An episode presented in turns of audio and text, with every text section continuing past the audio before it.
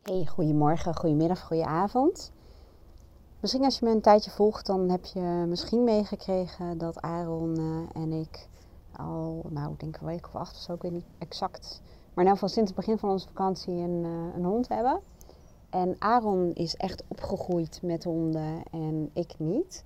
Nou hebben we wel vorig jaar negen maanden een uh, logeerhond gehad. Dus ik ben niet helemaal meer bleu, zullen we maar zeggen, als het gaat om honden. Maar het grappige is, en deze podcast gaat dus ook over leiderschap. En uh, leiderschap in het algemeen, maar ook vooral persoonlijk leiderschap. Dat uh, ik me heel erg realiseer dat je, je houding en je eigen ideeën, je, je, je, je overtuigingen, heel erg belangrijk zijn als het gaat om communicatie met een dier. In dit geval dan een hond. En wat ik daarmee bedoel, um, je ziet echt dat Aaron duidelijk de alfa is. Uh, Aaron is echt het baasje. En dat het dus ook geen verschil maakt of ik de hele dag um, in de buurt ben van de hond en Aaron uh, s ochtends vroeg wegrijdt en s'avonds terug is. Want daar gaat het niet om.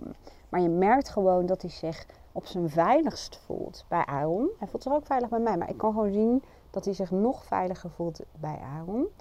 En dat heeft natuurlijk ook te maken, um, hè, je kunt natuurlijk zeggen hij is een man, hij is lang en, en uh, houding en dat soort dingen. Dat speelt zeker ook mee. Maar je ziet ook dat, en dat hoeft trouwens niet, hè, want dat hoeft dus helemaal niet in je postuur te zitten. Maar hij is heel zelfverzekerd als het gaat om een hond, omdat het voor hem heel erg natuurlijk is allemaal. En ik weet het nog niet allemaal. En ik ben wel iemand die zich helemaal verdiept dan in de hond en het ras en gedragskunde, zeg maar, over de hond en zo leest. Um, alleen dat wil nog niet zeggen dat je daarmee meteen ook alles kunt en weet. Hè? Dat is ook ervaring. En uh, nou, daar ga ik het zo meteen wel eventjes over. Maar um, je merkt bijvoorbeeld laatst, twee weken geleden of zo, toen um, liep in het bos. En wat we doen als wij samen s'avonds lopen, s ochtends loopt Aaron en ik loop overdag met hem. En dan s'avonds lopen we met z'n tweeën. We maken heel wat kilometer zo. En s'avonds dan uh, loop ik met hem zeg maar aan de lijn in het bos. En dat doen we ook om, uh, nou dan kan Aaron ook een beetje meekijken. En, uh, en Aaron doet het natuurlijk ook wat ochtends. Maar op een gegeven moment, ik heb normaal altijd de riem een beetje om mijn pols. Niet zodanig dat hij mijn pols eraf kan trekken, want het blijft een hond met een jachtinstinct. Maar wel zodanig dat ik wat meer grip heb. Maar ik had op een gegeven moment het idee om uh, uh, die riem wat losjes even vast te houden. Zo een beetje zo om mijn vingers heen. En hij werd op dat moment ook getriggerd door wild.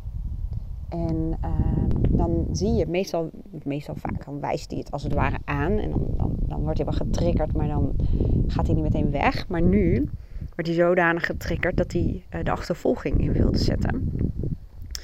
En ik had even het briljante idee, maar het was helemaal niet zo briljant dat ik even een stukje met hem mee ging rennen. Ik was ook wel gefascineerd door, wat is dat dan voor wild? Nou, dat was dus niet zo'n heel goed idee, want er bleek dus um, een wortel in de grond zitten. Joh, je bent in het bos, hè? Het zou zomaar kunnen dat er een wortel uit de grond steekt. Ja, en je snapt al wel wiens voet daarachter bleef hangen. En wat er daarna gebeurde. Ik ging echt, nou, plat op mijn, uh, nou ja, alles, zeg maar. En ik viel volgens mij ook op mijn schouder. En het is op dat moment, ik viel echt heel hard. Ik zag Aaron, die komt gauw om even te kijken hoe het gaat. Hij is heel ervaren in dit soort dingen met mij. En um, ik voelde ook helemaal geen pijn, maar de riem schoot los. En de hond die schoot, ik noem het een berg, hè. het is een beetje een heuvel, maar ik noem het een wand zoals een berg. En Aaron die rent er achteraan en ik ren daar ook achteraan. En, um, en dan zie je ook dat wij in persoonlijkheid ook um, nou, anders zijn. Want Aaron die was heel zelfverzekerd, die bleef roepen en die zei, die komt echt wel weer terug. Hij luistert naar mij.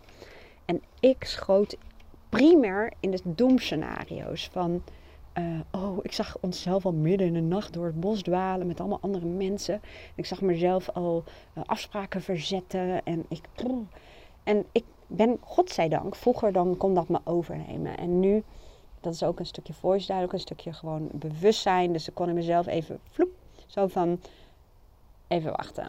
Dat kan, dat hoeft niet. Even helder blijven. Dat is een stukje bewustzijn. Waardoor je de angst en de stress die op dat moment ontstaat, dat je die functioneel gaat maken. Dat je niet vanuit al die doemgedachten en overtrokken angst gaat handelen. Want helderheid helpt je gewoon heel erg. En daarmee kun je gewoon ook veel helderder, zullen we zeggen, beslissingen nemen. En een soort tactiek bedenken met z'n tweeën. Nou, hadden we gedaan. En uh, binnen een paar minuten kwam die terug naar Aaron. Helemaal blij, vrolijk. En die riem die sleepte achter hem aan. Dus je ziet ook dat, um, ja, moet ik het zeggen, dat, dat ook de ideeën die je hebt, de gedachten die je hebt, die uh, straal je als het ware natuurlijk ook uit. Hè? Dus die, die zelfverzekerdheid van Aaron en het vertrouwen, dat, dat, ik kan me voorstellen dat voor een hond dat ook heel stabiel en steady is. En wij gaan ook een uh, gedragstherapeut uh, inhuren. sowieso omdat het gewoon heel interessant is. Maar ik vind het ook zelf heel fascinerend. Want een, een, een hond spiegelt je ook. En nou ben ik iemand met echt al zelfvertrouwen en um, leiderschap. En ja, ik kan daar echt staan, ook al ben ik klein. Hè, want dat denken ze vaak dat, dat, dan, uh, dat je dan daardoor minder, uh, ja, moet ik het zeggen, gezag en autoriteit klinkt heel erg als uh, de baas. En daar wil ik het zo meteen over hebben, want zo sta ik dan niet in leiderschap. Maar dat je er dan niet kunt staan. Dat is natuurlijk gewoon echt wel bullshit. Maar ten aanzien van de hond, ik weet mijn leiderschap werkte altijd omdat ik een visie had en, en bepaalde waarden. En dan kan ik daar heel erg voor gaan staan. En op het moment dat ik um, ja, bijvoorbeeld wat onzekerder ben, met onzeker, eh, niet in de negatieve zin, maar onzeker in de zin van dat je nog niet alles weet. dus onzeker over um, bepaalde effecten of uh, hoe honden gaan reageren of uh, hoe je bepaalde lichaamstaal van een hond moet interpreteren. Dus dat is eigenlijk simpelweg een gebrek aan kennis en ervaring. En ik ben ervan overtuigd, en ik denk ook dat het wel echt zo is, dat dat ja, spiegelt. Hè? Het feit dat ik nog niet helemaal goed weet hoe ik de hond kan lezen. En in relatie tot bijvoorbeeld andere honden. Um, maakt natuurlijk voor de hond dat er minder leiderschap vanuit mij is dan vanuit Aaron. En je ziet ook, ik loop natuurlijk heel vaak met hem alleen dat het enorm is gegroeid. Ik, ken de hond goed, um, we kennen elkaar goed. Ik weet steeds beter hoe hij reageert. En ik ben totaal niet bang voor uh, wild. En ook niet dat hij getriggerd wordt, omdat ik gewoon ja, gevoel dat ik hem in de hand heb als ik die riem dan maar gewoon goed vast heb. En die gaat meerennen. Maar dat voelt gewoon zelfverzekerd. En um, wat ik dan niet doe, hij is niet gesocialiseerd. Dus daar gaan we ook met die gedragstherapeut mee bezig. En dat betekent eigenlijk dat hij nog niet zo goed de etiketten heeft geleerd. Want hij is helemaal enthousiast als hij een andere hond ziet. Dat is prima. Alleen um, heel veel honden vinden dat natuurlijk best wel overweldigend. En hij wil gewoon heel graag spelen. Dus mijn huidige strategie is de vermijding omdat ik heb het één keer in het bos zelf gedaan. En uh, nou, toen moest ik echt wel zorgen. Want beide honden die trikkelden elkaar. En uh, ik dacht, oké, okay, dit gaat misschien niet helemaal goed. Nou, het liep goed af. Ik kon de hond in mijn dwang en de andere ook. Maar ik dacht, ik wil niet dat die hond negatieve ervaring krijgt. En ik ook niet. Dus zolang ik nog niet met zo'n gedragstherapeut uh, ben gaan kijken van, nou, hoe zit dat precies? En waar moet ik rekening mee houden? Hoe kan ik nou best begeleiden? Kies ik op dit moment voor de vermijdingsstrategie. En uh, ik zeg ook tegen klanten dat de vermijdingsstrategie soms een heel goede strategie is. Je hoeft ook niet alles aan te gaan. Want ik denk altijd, kijk naar je doel. En kijk dan staat een bepaalde uh, ja, terughoudendheid of angst je in de weg om te doen wat je wil. Beperkt het je in je dagelijks uh, functioneren? Of überhaupt beperkt het je? Als dat niet het geval is, dan ja, is het ook een soort van kostenbatenanalyse. Ik hoorde laatst van een boswachter, waar we een wandeling mee maakten, dat een wolf uh, in feite ook een kostenbatenanalyse uh, doet uh, over calculatie. En ik heb dat ook verder uitgezocht, dat vind ik dan altijd wel fascinerend. En die schat ook gewoon in um, wat een, bijvoorbeeld een aanval of, of defensie, zullen we maar zeggen, hem kost. Wat, wat de risico's zijn en wat de kansen zijn op slagen. Dat is natuurlijk een instinctief proces, maar um, ja, heel veel dieren doen dat. Die calculeren. Energiecalculatie ook. Hoeveel energie kost me dit en wat levert het mij op? Wat zijn mijn kansen? En als het gaat om de vermijdingsstrategie, kan die echt ook wel heel functioneel zijn. Zoals in mijn geval zit er als het ware een hoger liggend doel. En dat is dat ik uh, gewoon die hond goed wil begeleiden. En mezelf ook. En dat ik daardoor um, gewoon goed wil leren om met de hond om te gaan, om goed te lezen en om uh, te kunnen anticiperen op bepaalde situaties. En dat ik weet dat bepaalde negatieve ervaringen, ja, dat, dat kan heel verkeerd uitpakken. En dat kan best wel een hele tijd duren voordat dat dan weer uh, goed is. Dus je kunt het maar beter wat, ja, in mijn beleving, wat doordachter aanpakken. Dus nou, dat. Maar even over leiderschap, hè, want dit gaat ook wel een beetje over leiderschap, persoonlijk leiderschap, maar leiderschap in zijn algemeen. En toen dacht ik, ja, ik was in het bos aan het lopen. Toen dacht ik, ja, die hond uh, voelt zich bij mij veilig, maar het meest veilig bij Aaron, dat zie ik gewoon. En um, toen dacht ik, ja, eh, volgens mij, eh, in mijn beleving, hè, want leiderschap is in mijn ogen niet dat je de baas bent. En dat, oh ja, dat was het. En ik denk, hoe kom ik hierbij? Nou, ik weet het wel. Ik weet in het begin, dan um, heb ik bestudeerd hè, van hoe ga je nou met een hond om. En dan gaat het ook over dat de hond niet de baas over jou moet worden. Jij moet de baas van een hond zijn. En ik merkte op een gegeven moment dat het bij mij conflicteerde. Dat ik merkte, ja, ik denk dat je in die zin uh, de leiding moet hebben over de hond. Maar niet per se omdat jij de baas bent en hij ondergeschikt is. Dat idee dat conflicteert met een aantal waarden van mij. Bijvoorbeeld autonomie. Um, ja, moet ik het zeggen, maar ook ja, gelijkheid is niet echt een waarde, maar er valt daar misschien wel een beetje onder. Ik hou niet van jezelf boven de ander uh, stellen. En toch kun je dan een leider zijn. In mijn beleving, eh, want op een gegeven moment ging het ook over pootjes geven en dingetjes, kunstjes. Nou, en ah, daar heb ik weerstand tegen. En ook over het idee dat je dus um, uh, moet zorgen dat de hond heel erg ondergeschikt wordt aan jou. Het zijn natuurlijk allemaal ideeën. Ik heb al mijn filmpjes en dingen gekeken. Ik merkte gewoon dat bepaalde dingen, dat conflicteert heel erg met mijn eigen waarden. En um, dat was in het begin voor mij wel lastig. Dacht ik, hoe ga ik nou uh, toch zorgen dat ja, de hond natuurlijk uh, wel weet waar hij aan toe is. En dat er duidelijkheid en leiding is. Maar zodanig dat ik, mijn, uh, dat ik dat doe vanuit belangrijke waarden van mij. En toen dacht ik vandaag, want dat was beruchtje eigenlijk van ja, dit gaat heel erg over veiligheid. In mijn beleving is het jouw taak als eigenaar van een hond om te uh, zorgen voor de veiligheid van de hond. En dat jij verantwoordelijkheid neemt. En dat die hond zich door jou beschermd voelt. Dat is in mijn beleving de basis. En wat je dan vaak ziet, is dat een hond, in heel veel gevallen zelfs, zijn leven voor jou zou geven. En natuurlijk heeft dat ook te maken met een stukje conditionering in de zin van dat jij degene bent die hem eten en drinken geeft. Maar in mijn beleving heeft het ook gewoon te maken met een wisselwerking. En dat als jij hem veiligheid geeft, een duidelijkheid en kaders. En dat is in mijn beleving in ouderschap, maar ook in leiderschap het geval. Want ik denk ook dat als jij, um, uh, dat is ook visie op leiderschap natuurlijk, terwijl leiderschap niet één ding is. Want volgens mij is het heel afhankelijk van de context en de mensen waarmee je werkt en de doelstellingen die er zijn. Maar um, je hoeft niet per definitie je de baas te voelen en je boven de mensen te zetten. Maar ik denk dat daarvoor ook geldt dat mensen uh, graag uh, toch een stuk vertrouwen en veiligheid willen voelen. En uh, dat jij wel beslissingen kunt nemen, leiderschap kunt nemen, voor op kunt lopen en de weg kunt wijzen. En um, ja, dat is een beetje mijn visie op leiderschap. En ook als het gaat om de hond. En dat is best wel heel leuk, vind ik, om daarmee uh, te werken en te spelen. Dat je, ook als het gaat om huisdieren, in dit geval een hond is nog wat explicieter dan, dat je dat doet op een wijze die voor jou uh, past. En, um, en, en dat leiderschap niet de baas spelen of de baas zijn is. Terwijl ik zelfs ook de woorden gezag en autoriteit gebruik. Hè? Maar het is toch wel iets uh, wat vaak uh, geassocieerd wordt met, uh, met leiderschap.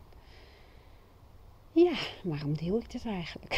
ik weet het eigenlijk niet eens. Heel vaak heb ik een soort van intentie van, oh ja, ik wil met iets afsluiten waar jij dan iets aan kan hebben. Maar dit is eigenlijk echt zo'n brainwave van, um, ja, nou ja, over um, waarden hoe belangrijk dat, denk ik, is uh, in relatie tot alles. Ook hoe je je kinderen opvoedt en hoe je leiding geeft. En hoe je leiding aan jezelf geeft, maar leiding geeft aan bijvoorbeeld het team. En hoe je uh, uh, leiding neemt voor de hond. En dat je daar allerlei ideeën over kunt hebben. En dat het heel erg gekoppeld is aan je persoonlijke waarden ook. Want mijn visie is natuurlijk niet geldend voor iedereen. Er zijn heel veel mensen die juist wel zoiets vinden van je moet heel directief zijn. En in sommige situaties zal het ook absoluut functioneel zijn. En ik vind het gewoon super fascinerend dat een, een dier, of een, in dit geval dan een hond, ook gewoon heel erg kan spiegelen. En dan sluit ik af met het laatste, want ik heb ooit jaren geleden toen ik bij het kadaster werkte, had een van de teamleden een uh, teamuitje uh, georganiseerd. En uh, dat was een soort paardencoaching. En dan gingen we met het team heen. En ehm, het is echt heel fascinerend hoe eenzelfde paard verschillend reageert. Afhankelijk van de persoon die daar staat. we moesten het paard een aantal zaken laten doen, op een manier laten lopen en een bepaald parcours laten lopen, zonder dat je echt heel erg kon sturen. Maar dat moest je heel erg met je lichaam doen, als het ware, je houding en gedrag. En het is echt bizar hoe verschillend dat is. Hoe echt, ja, paarden worden natuurlijk ook heel erg veel ingezet daarvoor. Maar ook dat als jij heel veel onrust hebt, dat, daar reageert het paard op. En als je juist te hè, passief bent, dan reageert ook het paard op. En op een gegeven moment um, werden wat mensen gekoppeld aan elkaar. De een die heel erg ah, druk, druk, druk en heel erg initiatiefrijk en leiding neemt. En de ander die juist meer achterover leunt en door kan slaan in het passieve. En uh, die werden zo ingezet dat juist die passieve het paard moest leiden. En juist die, uh, die, die druk te maken en meer de leiding initiatief nam, die moest juist um, het tempo als het ware, zeg ik dat nou goed? Nee, nee, nee, die passieve moest leiding geven. Dus moest het paard eigenlijk meenemen en sturen, aangeven waar het heen moest. En die ander moest het tempo bepalen, zoiets. Nou, volgens mij klopt niet helemaal, maar je snapt wat ik bedoel. Het werd in elk geval ingezet als tegenstelling tot het natuurlijke gedrag van een persoon. Dan zie je ook dat het echt heel ja, apart en rommelig werd. En dat het echt een kwestie was van afstemmen. Afstemmen op elkaar, afstemmen op het paard. En dat je dan echt uit je primaire gedrag moet komen om dat voor elkaar te krijgen. Dus zo zie je dat dieren vaak heel erg um, ja, reageren op um, met name non-verbale communicatie. En weet ook dat kinderen doen dat vrijwel meer dan volwassenen. Volwassenen ook hoor, onderschat dat niet. Maar je kunt een kind uh, niet zo heel snel misleiden. In de zin van, stel dat jij iets wilt afstraffen omdat je vindt dat het eigenlijk niet kan. Maar dat je stiekem inwendig er eigenlijk heel erg moet lachen en het misschien ergens ook wel best wel goed vindt. En dan komt vaak je boodschap niet over. Ja, en dat is in heel veel situaties. Dat als jij bijvoorbeeld heel erg vanuit schuldgevoel um, handelt, dan um, is dat ook wat je terugkrijgt. En uh, wat ik daarmee bedoel is dat wat je terugkrijgt. Maar je merkt vaak dat je wat je eigenlijk zou willen bereiken, lukt niet, want je handelt vanuit schuldgevoel. Dan ben je ook niet stellig. En dan ben je vaak ook onduidelijk, om het zo te zeggen. En dat zie je eigenlijk in heel veel gevallen um, wel terug. Ik zit te denken. Ja, en ook uh, opvoeden doe je met name door je gedrag. Hè? Zelfs door een rolmodel te zijn. En dat hetgene wat je zegt heel vaak kan conflicteren met wat je doet. En um, ook als je je kinderen mee wil geven dat ze voor zichzelf moeten opkomen, maar jij bent uh, echt enorm goed in people pleasen, dan wordt het eh, niet altijd, maar dan kan het best enorm lastig zijn voor een kind om dat gedrag dan wel te gaan vertonen. Dus uh, nou, zo heb ik toch weer een hele podcast volgeluld. En ik hoop dat je er iets uit kon halen, dat je er iets aan had. En uh, zo ja, dan ben ik natuurlijk benieuwd wat dat was in jouw geval. Ik wil je weer bedanken voor het luisteren. Ik wens je een hele mooie dag en heel graag tot de volgende keer.